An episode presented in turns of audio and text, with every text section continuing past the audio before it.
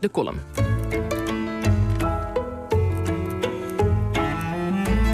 De column van Micha Wertheim. Omdat de theaters toch nog gesloten zijn en er dus geen publiek was dat op mij wachtte, besloot ik dit jaar te beginnen met een paar dagen op een berg in het zuiden van Frankrijk. Onderweg naar huis luisterde ik naar het inspirerende marathoninterview dat hoogleraar hedendaagse Europese geschiedenis Mathieu Segers gaf aan Sophie Derksen. Het interview werd oorspronkelijk uitgezonden op tweede kerstdag.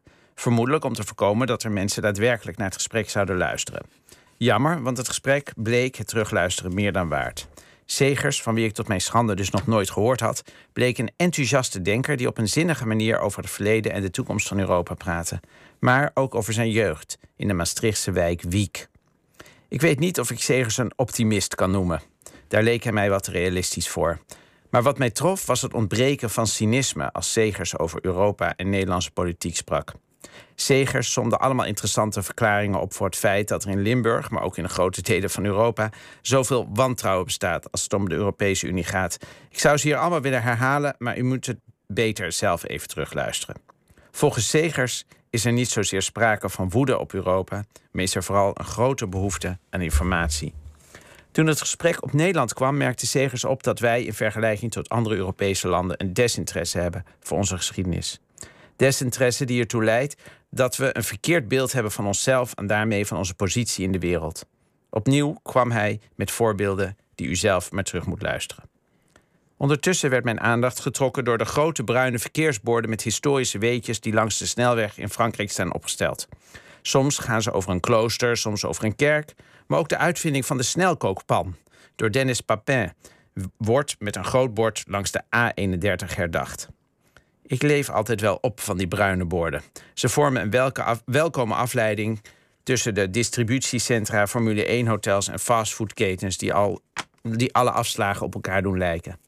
De mensen die wonen in het stadje waar de snelkookpan werd uitgevonden, zullen er misschien een gevoel van trots aan ontleden dat het dat het, koken, het snel koken van aardappelen bij hun begon. Maar het belangrijkste is misschien wel het gevoel van bescheidenheid dat al die borden samen teweeg brengen bij de rest van ons. Een constante herinnering aan het feit dat overal, zelfs in de verste uithoeken van het land, bijdragen zijn geleverd waar we allemaal tot op de dag van vandaag ons voordeel mee doen. En voor u nu gniffelt over het gekke Franse de gekke Fransen die zelfs de snelkookpan de moeite van een vermelding waard vinden. Op Wikipedia las ik dat Papin met Christian Huygens een van de grondleggers was van de thermodynamica. Zonder de snelkookpan geen stoommachine zonder de stoommachine geen industriële revolutie.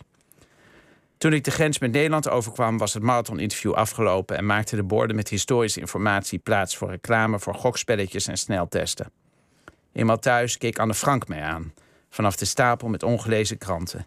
De hele voorpagina was ingelast voor het nieuws dat langdurig door de gemeente. Eh, dat, uh, voor het nieuws dat langdurig door de gemeente Amsterdam gefinancierd onderzoek had uitgewezen dat Anne Frank en haar familie verraden waren door een Joodse notaris. Niet verraden dus door Duitsland, waar de familie Frank geboren was en waar ze zich helemaal thuis voelden. Niet verraden door Engeland en Amerika, waar Otto zijn familie heen had willen brengen, maar die hun grenzen hadden gesloten. En niet verraden door het Nederlandse ambtenarenapparaat, dat ook na de bezetting gewoon met de Duitsers samenwerkte. Wat die notaris precies gedaan heeft, weet ik niet, maar het verraad was al gepleegd, lijkt mij zo. De verleiding om cynisch te worden is soms erg groot. En toch, na het interview met Mathieu Segers, probeer ik mij daar dit jaar nog even tegen te verzetten. Ja, dank je, Micha. Kijken hoe, hoe, lang je dat vol kan houden. En uh, hoe, het volgende gesprek daar ook uh, toe gaat bijdragen of juist niet. Want we, we, gaan, uh, we wilden de uitzending met jouw column beginnen... omdat we eigenlijk verder gaan praten over hetzelfde onderwerp. Het boek dat deze week uitkwam... waarin de resultaten werden gepresenteerd van dat jarenlange onderzoek... naar de vraag wie Anne Frank had verraden.